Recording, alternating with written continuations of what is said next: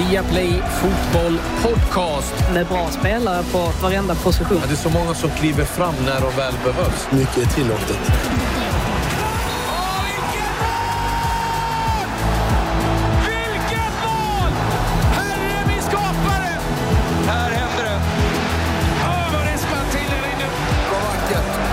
Nej, bästa dagen på året. Det största som har hänt fotbollen någonsin i princip. Hjärtligt välkomna ska ni vara till Viaplay Fotboll Podcast. Ett eh, nytt avsnitt. Det är eh, fullspäckat trots att det inte är någon Premier League-fotboll den här kommande helgen. Med mig i I Like Radio-studion eh, Bojan Djordjic tillbaka. Välkommen! Ja, tack så mycket. Tack så mycket Claes. Jag märkte introt. Det var väldigt mycket Claes Andersson. Jag hörde Frida en gång, Bojan en gång och sen var det fyra gånger. Herre min skapare! Vi måste förändra intromusiken. Vi måste vara med. Det är Sverige. Det är enda det chansen jag har för att höras i den här podden när Jämställd, du är det med. har hänt med jämställdheten. Vem är stjärnan här? Vad händer Frida? Ja, nej men absolut. Det är underbart att höra min egen röst också i introt varje gång. Men en gång bara Frida. Jag också en gång. Claes räknar till fyra, men det är lugnt.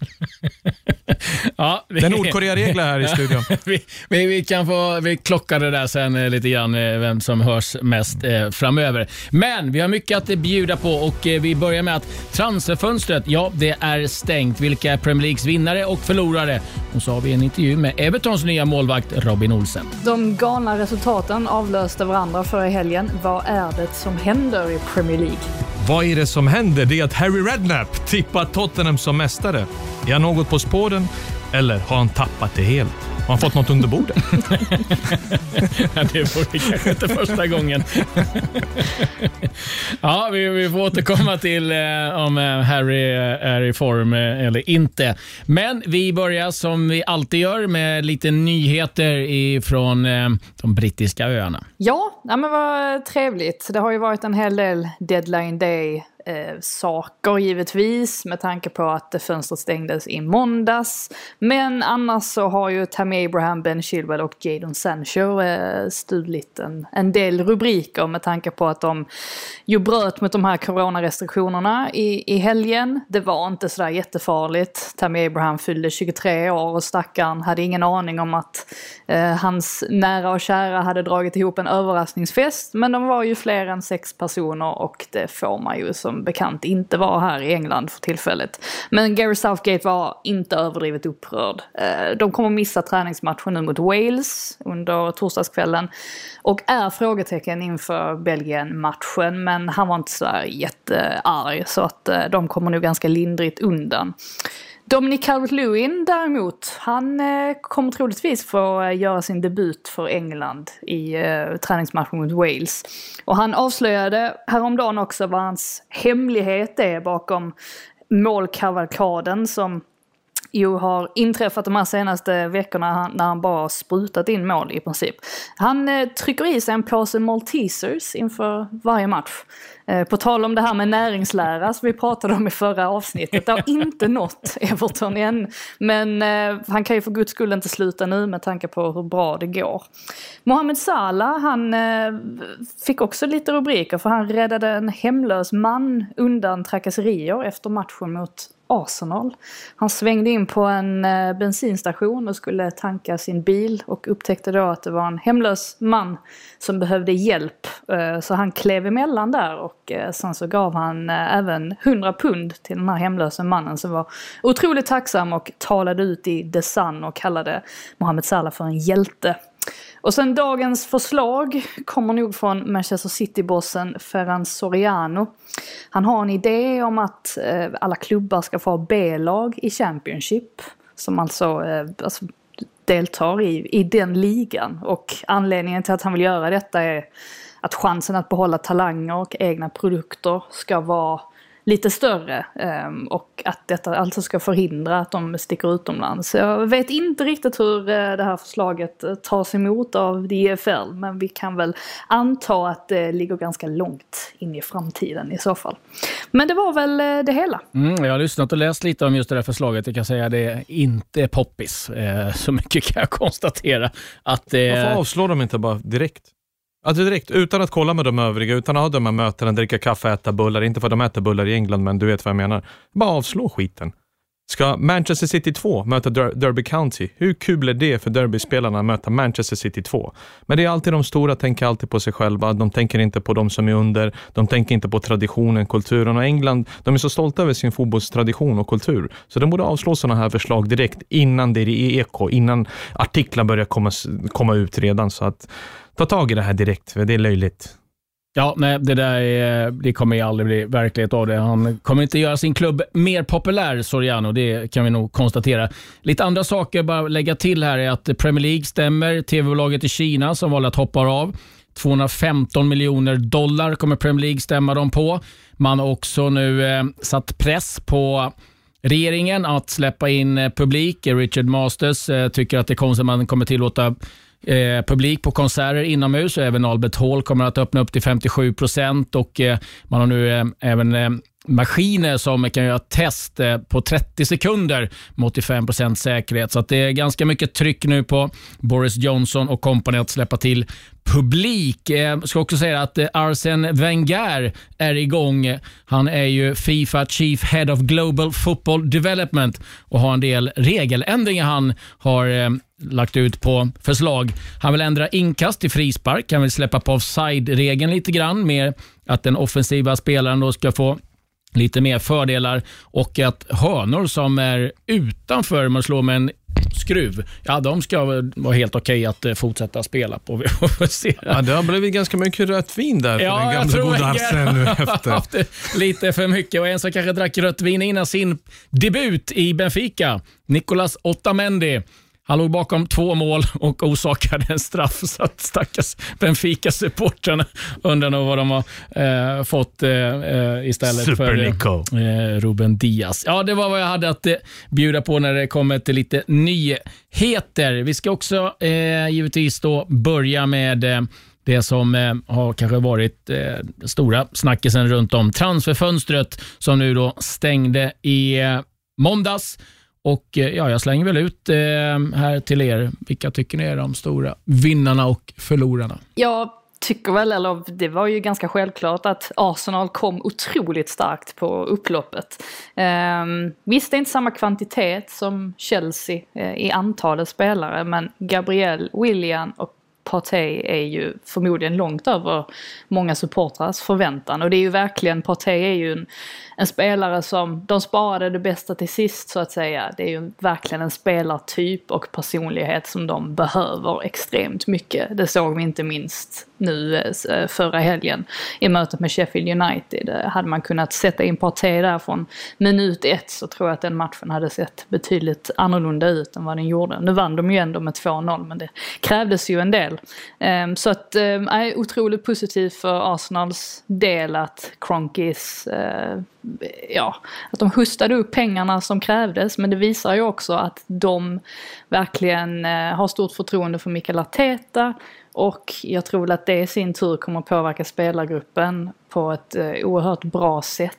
Eh, att de eh, övriga spelarna verkligen ser att ägarna nu liksom kliver in och att det finns en tydlig vision. Så att, nej, verkligen ett, ett bra transferfönster till slut för Arsenals del.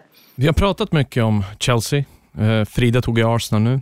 Jag säger Everton, som mm. har gått under radarn. Jag tycker att eh, under föregångna säsongerna så har de alltid spenderat mycket pengar på skit.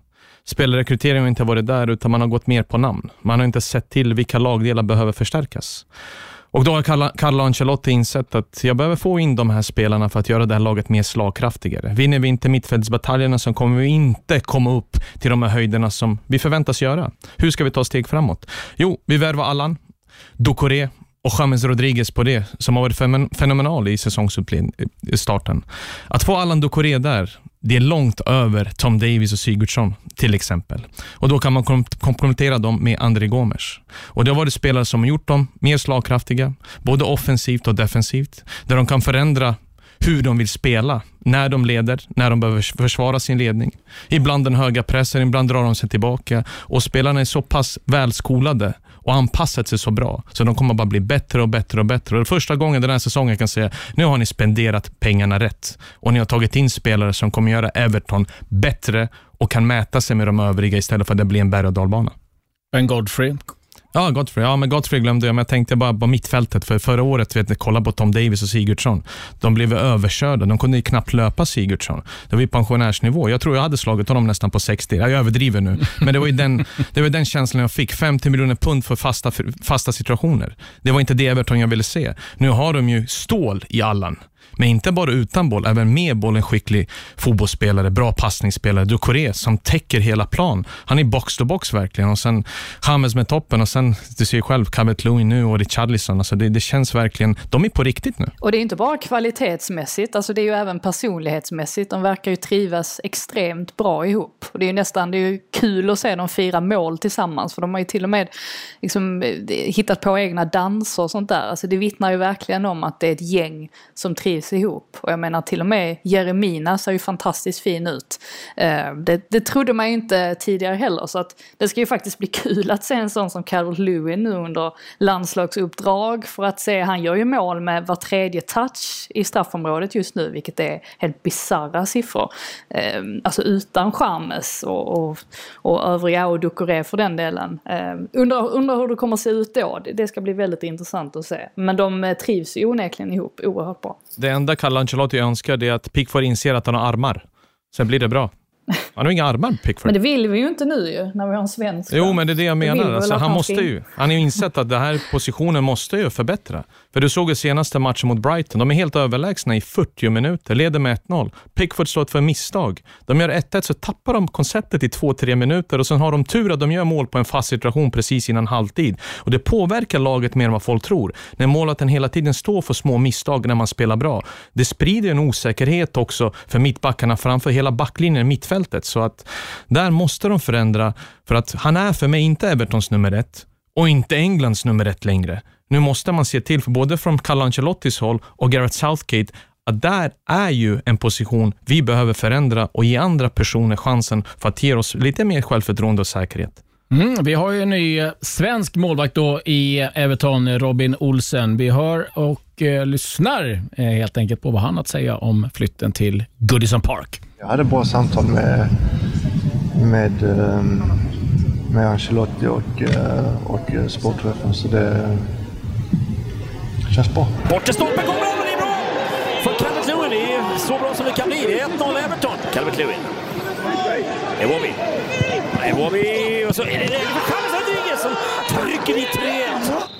Slut i hällregnet på Goodison Park där Ancelottis Everton fortsätter att vara hundraprocentiga i ligaspelet. Ett topplag i Premier League just nu och, och, och en bra konkurrenssituation där, där jag tror att det kommer göra mig till en betydligt bättre målvakt också. Gäller verkligen att, jobba hårt och, och, och, det är någonting jag vill göra och kommer göra också för, för att visa att jag vill spela. Så det, det har bara varit en, en, eh, ett mål för mig att spela, spela i Premier League. Och, eh, som jag sa där borta på intervjun att det är någonting jag har växt upp med också. Tipslördag och eh, har följt den engelska fotbollen eh, under alla år eh, som jag kan minnas. Så det, det, har, det har varit ett mål och, och nu Sen, sen vet man ju inte, jag har aldrig provat att spela där men, men jag hoppas verkligen att den, den ligan passar mig väldigt bra. Um, det är det jag hoppas och, och tror. Shakiri! Brilliant save from Pickford! Well, you just expected this net to ripple. What a strike! And Jordan Pickford equal to it. That is a quite remarkable save. He's pulled it back. Wonderful save. Wilson must have thought he'd scored. Pickford with a great stop. Det är inte första gången jag provar på konkurrens. Eh, men när det ska vara konkurrens så oavsett eh, lag på denna nivån så tror jag, tror jag det är konkurrens på alla positioner. Och det är som jag sa, det är någonting som gör dig som gör en bättre. Eh, Få fram det bästa av dig själv. Så det, det, jag ser fram emot det. Förväntningen är ju att jag vill hit och konkurrera eh, om att spela. Uh, kommer åka dit och, och, och jobba stenhårt. Eh, får visa att, att uh, jag vill spela. Så det, Vilken koll har du på Everton?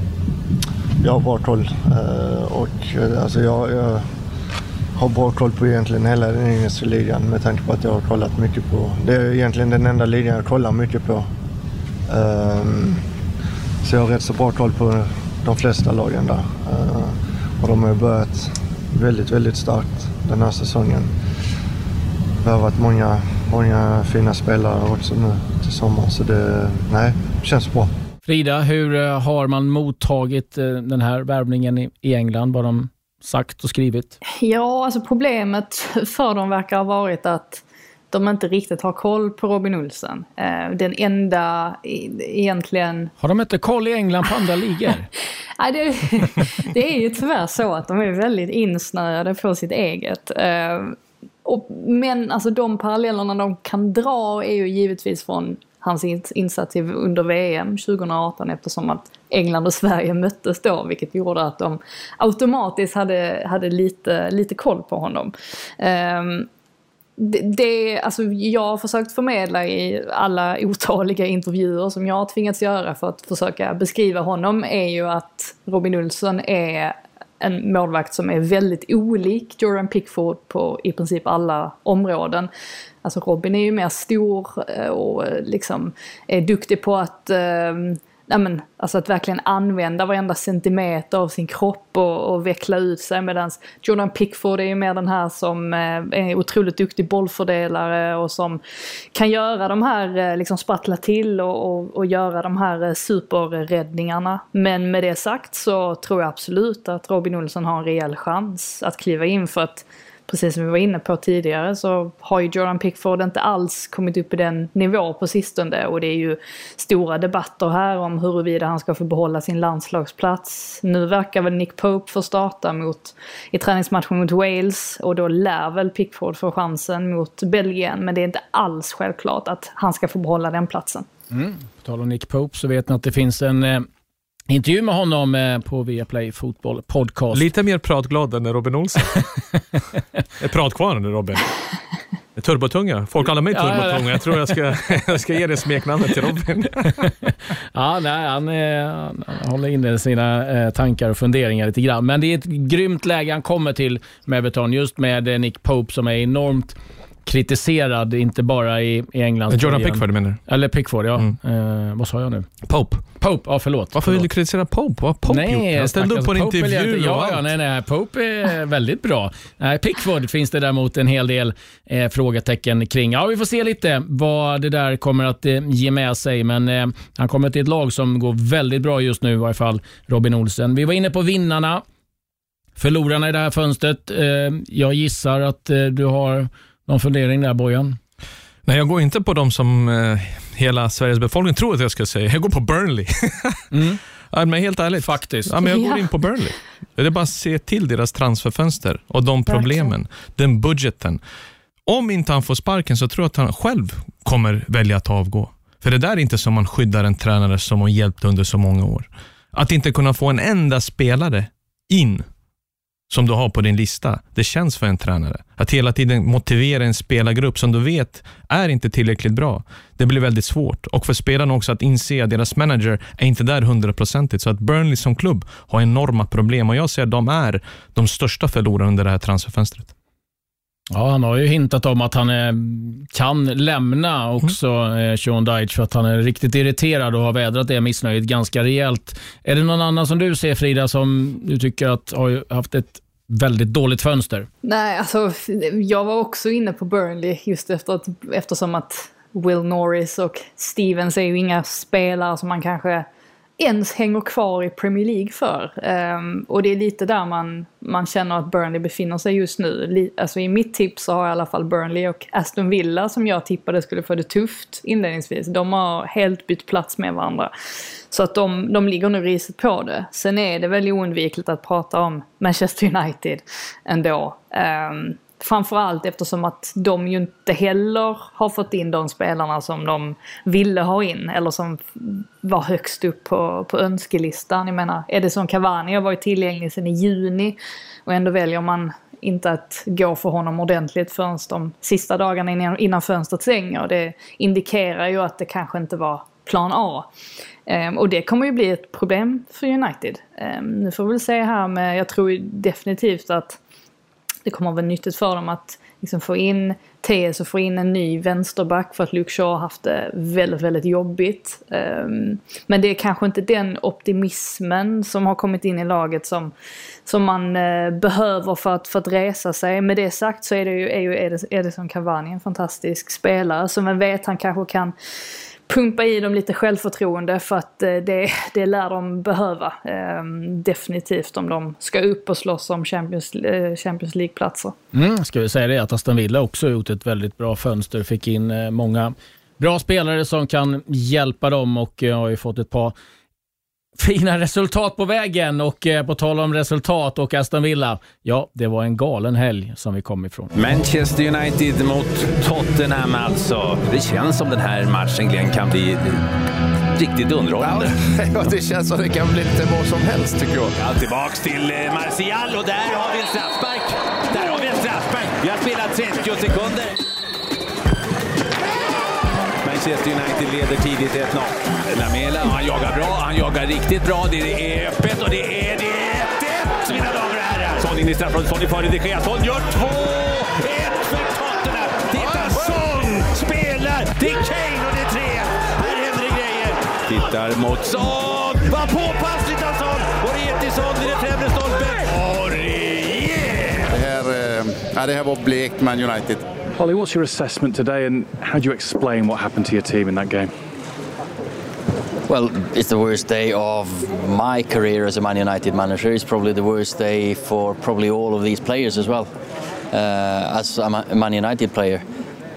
But it's not the worst day in the Man United uh, club's history, and we've bounced back before. Uh, to explain now, uh, it's quite difficult. Uh, of course, you've We've been beaten 6-1 at home against a very good side, I have to say, but we've um, contributed a lot to our own uh, downfall. What would be your, your biggest concern with that? Is it individual mistakes happen, but are they happening too often? Is there a problem with desire when you're up against it? What would it be? It's not about desire here, because I know uh, the boys wanted to, and they, they, they made an effort. Uh, and uh, but making mistakes everyone makes mistakes, and today we made loads in the same game, and that shows in the result.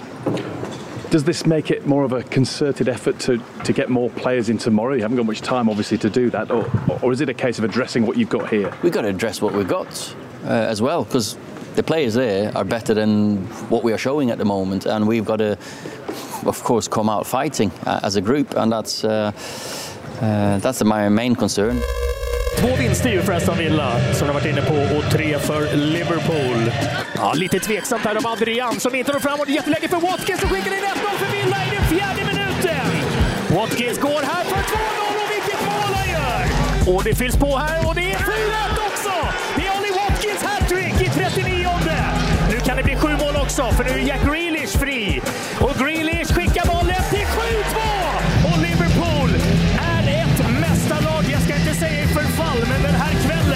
kvällen så har allt kraschat. Can you quite believe how that unfolded today out there? Yeah, I saw it. So um, it's easy to believe because I was I was live here. And um, first of all, we have to say, Aston Villa did really, really well. It was very physical, very smart, very direct. Did a lot of really good things, um, and we not. So um, of course everybody saw who saw the game know that we had in the first half big chances which we didn't use. But um, you can anyway if you concede seven, I'm not sure we had, had that many chances that we that it could have been seven seven maybe. But um, yeah, we made too many mistakes uh, and, and, massive mistakes, obviously. Uh, start with the first goal, um, then I maybe mix it up when which was the second or third goal, what can happen with seven. But around the goals we made massive mistakes and um, we lost the balls in the wrong in the wrong area. We we didn't protect uh, properly. It looked like after the one 0 we lost uh, we lost a little bit the plot. Ja, we lost the plot. Det sloppy. Kan man... Jag vill inte höra ordet sloppy. jag är glad att Roy Keane inte satt i studion eh, den helgen. Ja, det har varit eh, märkliga resultat. Vi kan väl slänga in Leicester West Ham 0-3 eh, också i lite av den kolumnen i varje fall. Men vad är det som händer med, med Premier League? Det har varit 144 mål. Det är 40 fler än vad samma tidpunkt i fjol. Det är ett snitt på 3,78 mål per match. Och eh, man undrar, vad, vad, är det som sker? Vad, vad är din känsla för det här, Bojan? Ja, känslan om vi pratar om lag, eh, om Liverpool, om Manchester City, eh, om Leicester. Det är lag som lever väldigt mycket på ett bollinnehav och en hög återerövring, alltså hög press. Höga utgångspositioner där backlinjen står väldigt högt upp.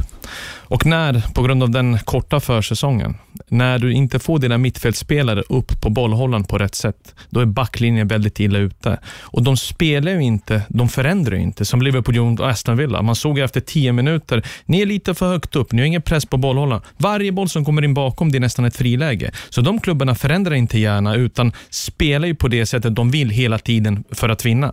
Everton har ju gått bra, för jag pratade om Everton innan, för att de kan gå upp högt upp som mot Brighton, vinner boll, tar ledningen 1-0, sen drar de sig tillbaka och jobbar organiserat. Blottar inte sin backlinje på samma sätt som de gör i inledningen innan de får resultat. Så att den korta försäsongen tillsammans eh, ihop med naiviteten, hur man ska spela, så tror jag att det är orsaken varför City, varför Liverpool släpper till tillsammans med Leicester nu mot West Ham, de möjligheterna. För målen West Ham gör, målen Villa gör, målen Leicester gjorde mot City, de kommer just på grund av den höga backlinjen och bollarna bakom. Och Det behöver inte vara stor kvalitet. Och Det är regel i fotboll. Har du inte press på bollhållaren, är backlinjen högt uppe, det krävs inte mycket för att du ska skapa chanserna, Klas. Nu eh, händer det grejer borta hos Frida här. jag vet inte vad det är. Det känns som att det är tio... Ser du oskyldig Frida? neka, neka, neka. Har du lämnat karantän? Ja, det skulle inte, någonting har skett i alla fall. Det är, jag har ingen aning vad som pågår. Jag ber om ursäkt för bakgrundsljudet. Det är så det är att bo i en stor stad.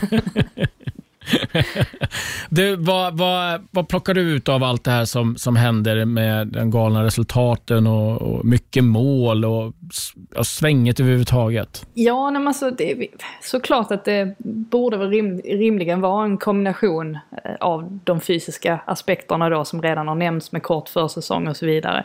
Men jag tror ändå att den psykologiska biten väger allra tyngst. Just det här med att man inte har någon publik på läktarna. Och i kombination då med alltså väldigt eh, alltså, offensiv fotboll som det ju ändå är i Premier League. Det är ganska få lag ändå som spelar avvaktande på det sättet. Det, det, finns många bra offensiva spelare som är jobbiga att möta en, en mot en. Alltså som exempelvis då United, att behöva tvingas försvara sig mot, mot Son och Harry Kane och sådär. Det, det är inga dåliga spelare. Och när det då trillar in ett mål så, och det trillar in två mål och sen tre mål så är det nog ganska lätt att det kollapsar totalt just för att man inte har publik på läktarna. Jag tror inte att Manchester United hade klivit ut i den andra halvleken på Old Trafford om det hade varit fullsatt. Jag tror inte att man hade tillåtit sig själv att göra det, att det liksom hade gett det där lilla extra adrenalinet och viljan till att faktiskt ändå göra en helt okej okay halvlek. Nu är det så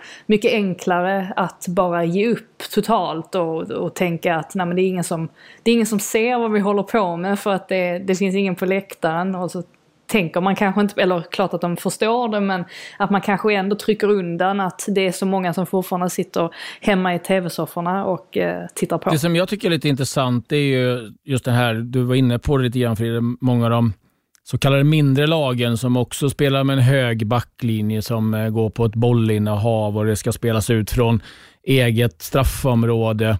Är det för många som håller på med det som kanske inte riktigt har den kunskapen? Frågar du mig nu eller Frida? Jag frågar båda. Ja, jag tror du sa du nämnde Frida, därför ja. blev jag helt tyst. Det brukar inte vara tyst. Jag tänkte, oh, det där var awkward. Nej, jag förstår ju exakt, jag, jag, förstår ju vad du menar, men jag tycker också att det är rätt väg att gå. Premier League har förändrats väldigt mycket under åren. Vi hade inte rosat Brighton ifall de fortsatte spela den typen av fotbollen bara för att överleva. Utan du, du ser ju själv i säsongsinledningen, trots att de inte haft resultaten, de var faktiskt inte bra mot Everton. Men inledningen mot Chelsea, mot United, då hade de ett bollinnehav, ett spel som kunde såra även de bästa. Och Jag tycker det är utvecklande för spelarna. Då kan de här också mindre klubbarna söka sig till bättre fotbollsspelare som vill komma till en miljö där de kan utvecklas. Trossard till exempel. Vi pratar om eh, Lalana. Han kommer såklart komma, men Brighton hade aldrig haft möjligheten att värva Adam Lalana ifall inte han såg över sina alternativa möjligheter att komma till ett lag som är spelande, där hans kvaliteter kommer skina. Problemet har varit hos de stora, det är att de har varit för passiva, de har tagit det alldeles för enkelt på uppgiften. Och helt ärligt klassen, när du har ett mittfält som alltid jobbat hårt, som har satt press på motståndarens backlinje och mittfält som inte haft de möjligheterna att kunna slå in bollarna bakom, så tappar du väldigt mycket. Och det är det jag menar att Ändå ska man benägen att kunna förändra när man ser efter 10 minuter, en kvart, var motståndarna hittar sina ytor. Hade Liverpool stängt det, och backat lite till 10-15 så hade de fortfarande skapat mängder av chanserna de hade i offensivt straffområde. Men de hade inte utsatt sig för att släppa även i mål 8, 9, 10 på slutet när de fortfarande spelade väldigt högt och var som de sa i all over the place. Så att last the Plot, det är ganska bra sammanfattat från Jörgen Klopp. Jag tycker du är inne på en intressant detalj när du pratar om, om, eh, om Everton, att de som gör 1-0 sen backar hem lite grann. Angelotti är ju kanske mer en pragmatisk tränare. Han, vet, han ser vad han har och det här som jobbar jag efter. Mm. Mourinho kanske också med den skolan. Sen är de andra med som, ska vi säga då, filosofiska. Jag har min filosofi och jag kör på den. Kan de tränarna som har den här mer approachen att inte att jag måste spela efter min spelfilosofi till vilket medel som helst, har de en större chans i år att få resultat? Ja, men så kanske det är. Jag tycker det är ganska det, är, det är ganska svårt att prata om det här. Jag vet att det, det finns ju en ständigt pågående debatt här borta kring just det där med att, eh, jag menar, alltså när, när Graham Saunas till exempel sitter i Sky-studion så muttrar han ju ofta om, om det lag som försöker spela ut kort från backlinjen och sådär och han, han är ju mer för den här liksom, ja vad, vad är det för fel på 4-4-2? Och det är ju inget fel på 4-4-2 egentligen men vi ser ju att Burnley som har anammat den, eh, alltså det, det spelsättet under ganska lång tid med framgång så ska ju sägas. Eh, går helt plötsligt inte alls bra så att det är ju ingen garanti. Bara för att du spelar på det sättet så är det ju ingen garanti att du liksom ska kunna, eh, att du ska lyckas så att säga. Och sen så får man ju liksom också försöka komma fram till vad är det, vad innebär det att, att lyckas? Egentligen? Alltså som, som lag, vad är, det man, vad är det man strävar efter? Alltså som, som Bojan var inne på där med Brighton är ju ett väldigt bra exempel för att Brighton kommer aldrig kunna ta kliv som klubb genom att spela som Burnley exempelvis. Och det visade man ju väldigt tydligt då när de sparkade eh, Hoyton också.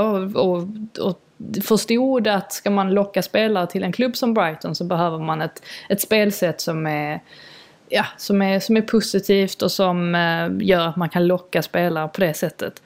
Eh, så att, eh, jag vet inte, jag tror, jag tror det är ganska så svårt eh, svårt att säga vem som kommer att dra mest nytta av det här. Det som jag noterade i United Tottenham var ju att José Mourinho hade valet att byta ut rätt många spelare där när han kände att matchen var vunnen.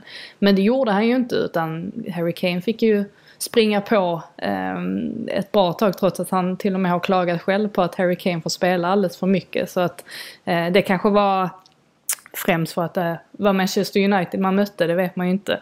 Men eh, nej, jag, får, jag inser att det här var inget svar på din fråga. men eh, det, det, det, var en svår fråga så att det, det får bli så här. sjukt svåra frågorna till oss och så står hon bara myser där bakom. Kolla lite vad som händer på Instagram, låter oss två dra den stora lasset. Nej, men alltså, jag tycker att det är, en, jag, jag, jag tycker det är en väldigt intressant diskussion och Bojan och jag har, eh, jag ska inte säga bråkat, men det vi har diskuterat vi gjort, mycket om det här. Jag bråkat kan tycka har vi gjort. Att, ibland det blir för mycket att vi ska spela ut från egen backlinje. Ja, men om du har en mittback med träben så kan du inte göra det och ni förlorar.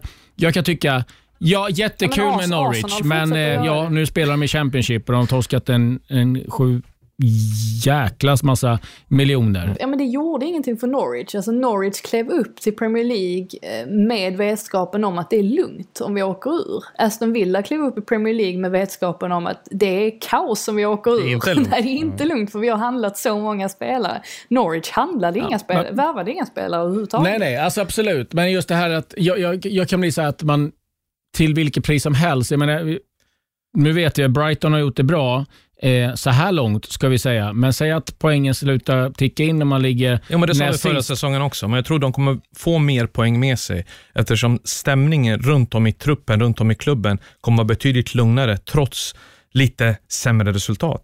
För de tror ju på någonting. Om du sett till deras trupp, hur, hur hade den kunnat locka till sig till exempel Lamptey ifall de spelade som Burnley? Aldrig i livet. Nej, nej, men alltså, jag, jag säger det som absolut. Alltså, men, men, ta då Burnley. Om de skulle spela han liksom en... Det är en, därför en tog han ju bort Duffy.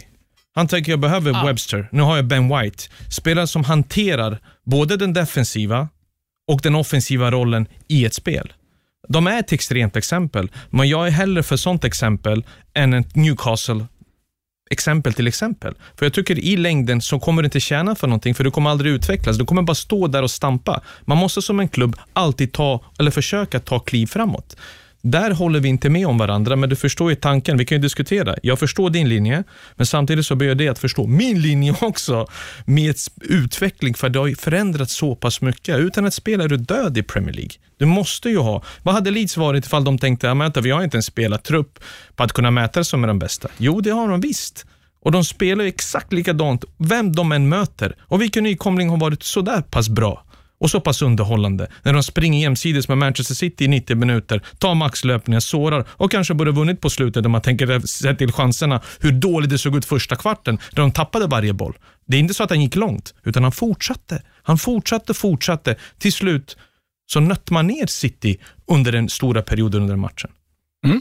Sen kan vi då vända oss mot, eh, fråga vad Stoke tycker och härva runt, för de skulle spela en så kallad rolig fotboll. Ja, men vilken manager var det då? Eh, ja, de bytte. Ja, Var det Mark Hughes? De skulle byta, ja. Det var ju Det de jag trodde på. Sparky, det var inte mycket spark runt Sparky. Ja, alltså jag, jag gillar när det spelas, eh, absolut. Du gillar fotboll. Championship. Champ- ja, jag gillar Championship. Jag gillar all fotboll, men eh, eh, jag kan tycka någonstans att sitter man eh, med en trupp som inte riktigt är byggd för det, då får Jo, man anpassa. Sen kan man allt eftersom bygga på. Det tycker jag till exempel Brighton gör bra, att man inte gör allt på en gång, utan Mm. man successivt gör det. Men jag kan tycka ibland att det blir för mycket att och nu ska vi lira som eh, Pep Guardiola. Jo, men han har köpt mitt ytterbackar för fan för 4 miljarder och du springer omkring med en ja. Championship-back. Det, det förstår jag. Det, det går ju att alltid gräva sig in djupare i vissa detaljer. Men jag tänker på, om du ska få någon utveckling på någon spelare, då måste du ge honom någonting till, oavsett hur gammal han är, för att han kan känna sig att han kommer till träningsanläggning och kan bli bättre.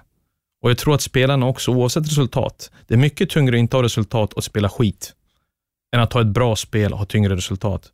För förr eller senare så kommer du få stolpe in istället för stolpe ut. Mm, du blir stolpe ut sen när du kollar bankkontot när du är Championship. Alltså, du, du, du, jag ska skicka dig ner till Plymouth. Du är en riktig. Plymouth Jag har varit Argyle-spelare. Jag, Ja, jag jag hälsade på dig hos din Frida, favorit. vi skickar Klas till Plymouth. Han, då var han en, en Ja, men sen tror, jag, sen tror jag man glömmer också att spelare kan ju faktiskt bli bättre också. Alltså spelare, ju- du- det är inte så att liksom, när en spelare når en ålder av 23 så kommer den aldrig, aldrig bli, bli ett bättre eller utvecklas. Alltså vi ser ju hur många exempel på, som helst på, ja men till exempel eh, alltså vad Klopp har gjort med många spelare i Liverpool som man aldrig trodde skulle komma upp på den nivån.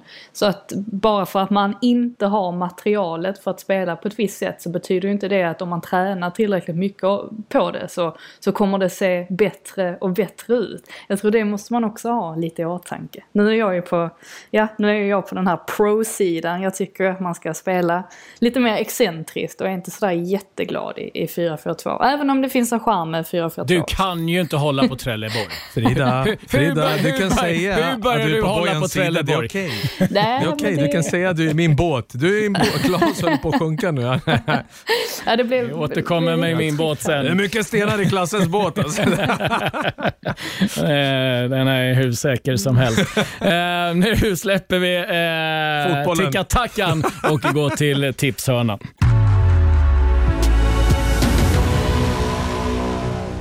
Ja, på tal om eh, det vi var inne på lite tidigare så eh, ska vi nu eh, diskutera lite om vad ett annat lag ifrån London kan göra. Kan de vara en titelutmanare? Harry Kane wallops Manchester United for six. Tottenham med José. Mourinho. Nu måste det krypa i kroppen på er när, när det här är ett lag som kan vinna Premier League. Det var ju alltså Harry Redknapp som gick ut eh, här på Sky Sport och eh, sa att han eh, trodde att Tottenham kunde vara definitivt ett material för att vinna Premier League den här säsongen. Och ja, min fråga till er, har han någonting i det eller är han helt ute och cyklar? Ja, eh, jag funderar lite för att alltså jag, jag förstår ju var, var det här kommer ifrån. Alltså kikar man spelar för spelare eh, så har de ett, ett väldigt bra lag och till och med ett, en väldigt bra trupp.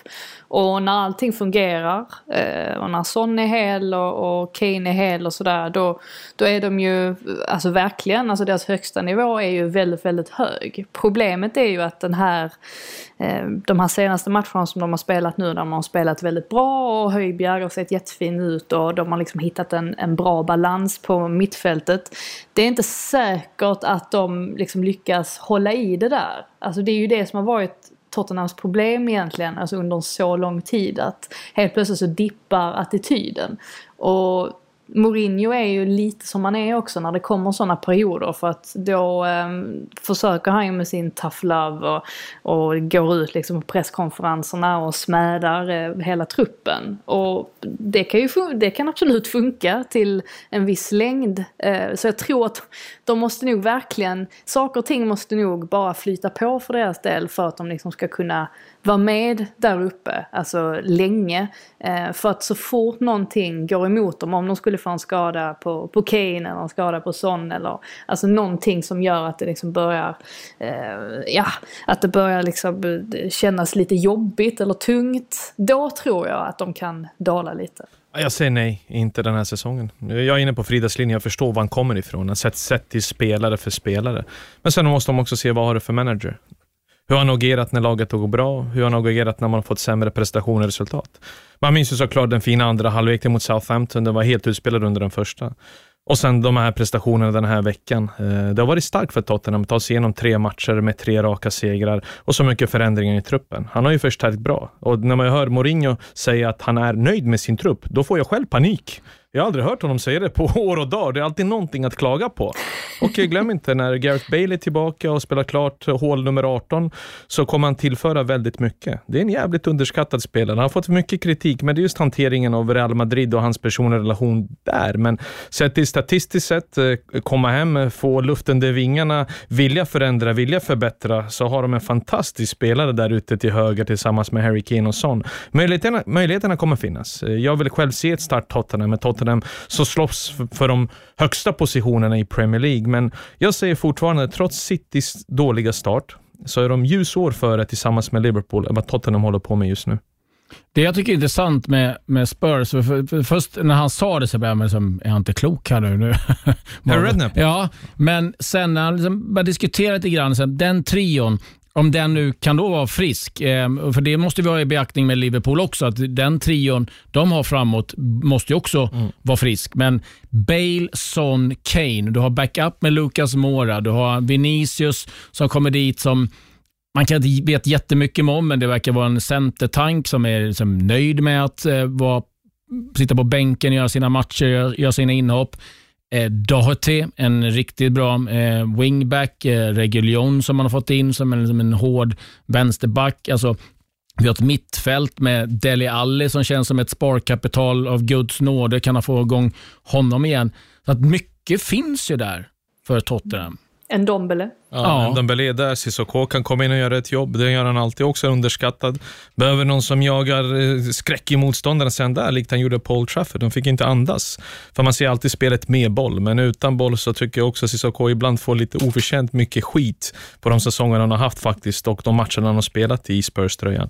Det är bara att han älskar Eric Dyer mer än sin son. Det, det, är det som är oron där bak i mittförsvaret. Så att, han hade ju Aldevereld på bänken senast, så att eh, får man tillbaka honom hel och frisk och kry, så är det också sparkapital. För vet ju själva vilken högsta nivå Aldevereld håller när han är på topp. Mm. kommer bli väldigt spännande faktiskt att um, följa Tottenham och någonstans um, får man ju säga vad man vill om den gode José Mourinho, men han har ju vunnit sina titlar genom åren och eh, lär nog vara ganska sugen på att eh, visa att han fortfarande är en skicklig tränare. Vi får följa upp det där framöver, men ärkerivalen på andra sidan stan, ja, de har inte lyckats med särskilt mycket just nu i alla fall. Inte utanför plan. Frida, Gunnersaurus får sparken efter 27 år. Vad är det som händer? Ja, eh, det var ju tur att de här eh, Partey-nyheterna kom ganska snabbt efter att det här släpptes så att man liksom, de vägde upp eh, för sig själva. Eh, det blev ju givetvis, det, det blåstes ju upp extremt stort att de har ju släppt väldigt många, eller låtit många ur sin personal gå, eh, och inklusive då maskoten som har varit liksom trogen i, i tjänst under så lång tid. Och man blev ju extra förvånad när det här fick ännu en vändning när Mesut Özil helt plötsligt går ut eh, publikt och erbjuder sig att betala hans lön. Eh, och då kan man ju ställa sig frågan, vad, vad är det bakomliggande motivet till det här agerandet från Özil?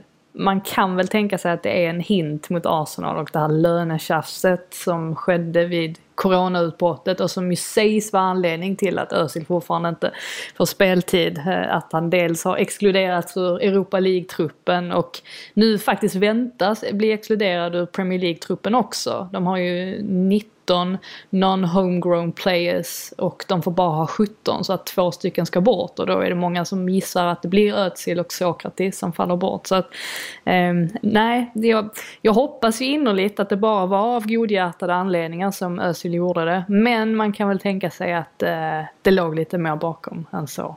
Ja, han såg en chans där. Ja, det gör han. Han trodde att han skulle göra mer nytta än skada, men det blir tvärtom. Eh, med det lönekuvertet med den veckolönen, det är bättre att han tar ett steg tillbaka och inte gör på det här sättet, för det sticker, det sticker verkligen i supportrarnas ögon. Sett till Özils statistik också och hans matcher han har spelat, det är en väldigt dal, det är en dalande kurva. Och det är ett problem för Arteta, det vet han själv. Han har hanterat det bra, för oftast när man pratar med Arsenal föregångna åren så är det alltid Özil, Özil, Özil. Inför varje match så pratar man Özils vara eller icke vara. Han har verkligen sopat den under mattan, men nu såg han ju sin chans som eh, Fride var inne på. Han ville eh, göra någonting, men det blev ju såklart fel med tanke på att lyfter du 350 000 pund i veckan tror jag att Bana har, så att det här, är ju, det här blir bara ytterligare ett fel, eller steg åt fel riktning för Mesut också, men inget steg slår Harry the Hornet. Han sparkar ju sig själv. Alltså är det inte chockerande också hur, hur snabbt det har gått? Alltså hur snabbt Özils karriär har dalat mm. ut för. Det var inte så länge sedan eh, Arsenal liksom bönade och bad honom att stanna och han fick det här lukrativa kontraktet. Det, det är bara något år sedan.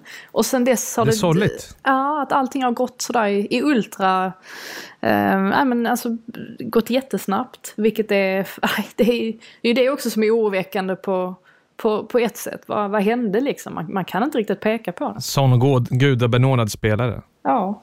Ja, men precis. Sån vänsterfot, sån blick för spelet, sån spelförståelse. Det kändes som igår, jag satt i, i studion. Först var det att säga att han är själlös och sen veckan efter står han för tre magiska assist eh, som ville få mig att sluta med fotboll. Eller tycka, vad var det för idrott jag höll på med när jag spelade? Och sett till hans siffror också, det blir bara sämre och sämre för varje säsong. Så det är någonting för Arsenal verkligen ta tag i, för det är väldigt mycket pengar de kan Fast, spara fast jag tycker och de kan liksom ha. att Arsenal har ju tagit jo, men det är tag Arteta, i det. Tack vare Arteta. Även de, förra året pratade vi med, så fort han var med i truppen så var Özil stora samtalspunkten i varje sändning eftersom Arsenal själva inte gick bra. Nu under Artetas ledning så känns det ju mer positivt. Det känns mer som att hans beslut han tar, han gör det direkt tillsammans med Guendouzi också. Så det är två spelare vi tjatade om förra säsongen. Nu har vi knappt pratat om dem. Man nämner kanske ett par sekunder. Nu fick han ju sina minuter även här tack vare att han skulle betala dinosauriens lön, alltså maskotens lön. Och Det ser en hel del vad hans karriär är på väg. Jag skulle vilja att Mesut tar tag i sig själv. För det finns fortfarande väldigt mycket fotboll kvar i den här kroppen. Gå någonstans, spela ut och må bra. Det behöver sådana där kreativa hjärnor som han är. Mm, ja, det tycker jag Mesut Özil är den som eh, faktiskt eh, kommer ut som en förlorare. Se till att åka iväg, spela någonstans och eh, Ja, skit ja, det är svårt också. Skit, skit, man sitter hemma, sitter hemma och spelar lite Playstation, så kollar man på kontot. Trycker in en kod och man tänker ah, det var bra veckolön det här för ingenting.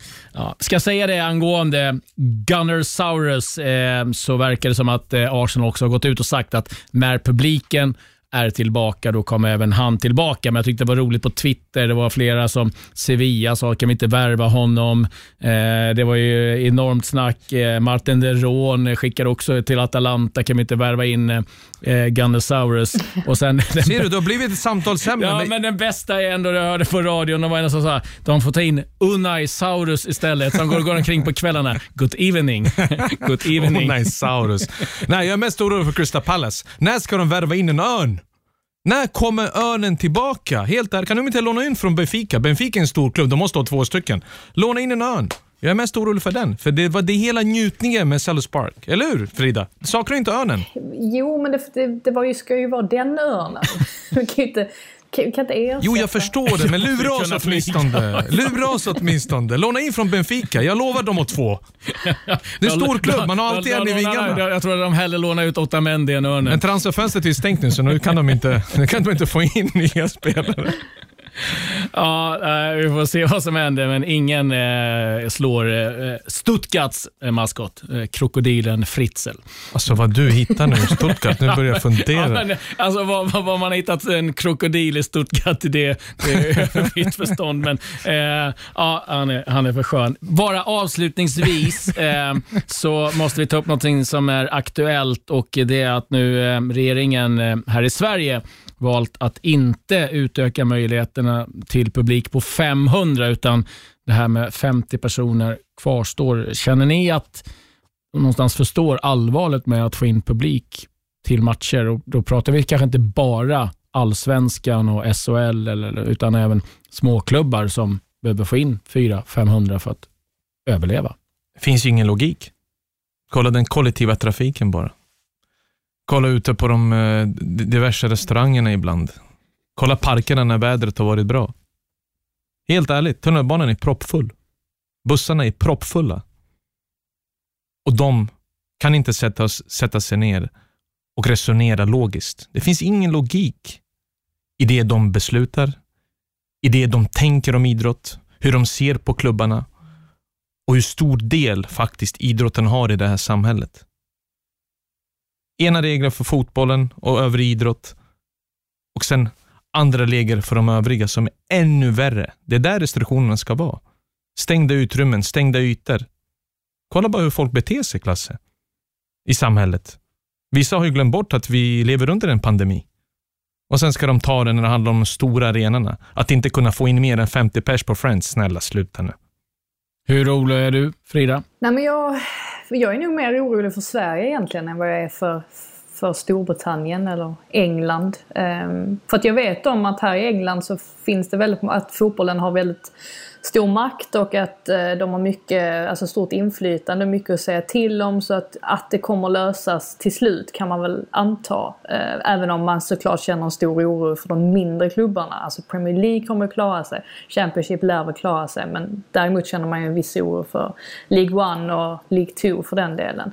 I, i Sverige så är, är nog min, ligger min, nog, eh, nog min rädsla mer i att det inte riktigt känns som att politikerna är sådär jättesugna på att publiken ska få börja gå på fotboll igen av helt andra anledningar. Att det faktiskt kan ha, alltså utan att veta någonting egentligen så känns det som att de, det kan vara rätt bekvämt för dem att inte behöva hantera Stockholmsderbyn och, och, eh, och sådana där saker. Så att det, det tror jag är ett ganska stort problem i Sverige, att man inte kan föra den här dialogen på samma sätt som man eh, gör här borta, att det inte blir den pressen. Liksom. Det känns som att ingen politiker har varit någon köpcentrum, i alla fall här i Stockholm.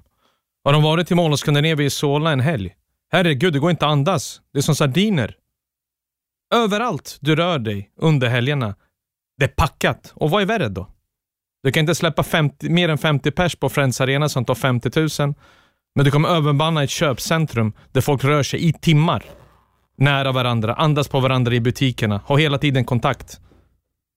Kom igen nu Klasse, det finns ju ingen logik. Helt ärligt alltså. Nej, De vill ju inte. Det jag kan tycka är mest konstigt är också lite när man diskuterar om hur man tar sig till matcherna och någonstans har fastnat på att alla åker tunnelbana. Ja, i Stockholm åker man tunnelbana, men det går också att göra restriktioner på det.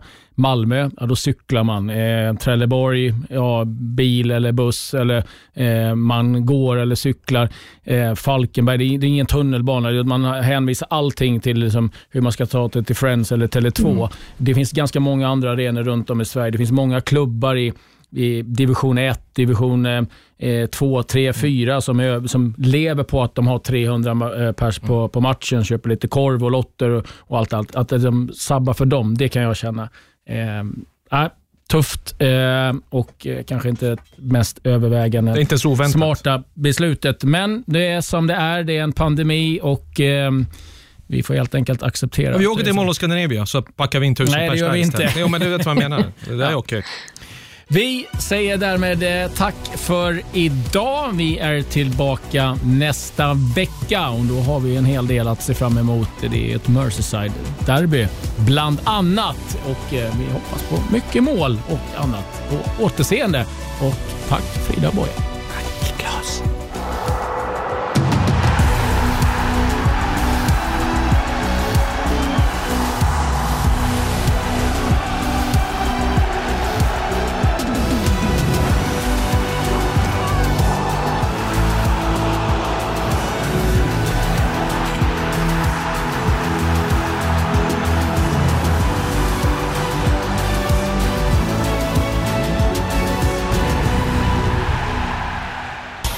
Produceras av I Like Radio. I Like Radio.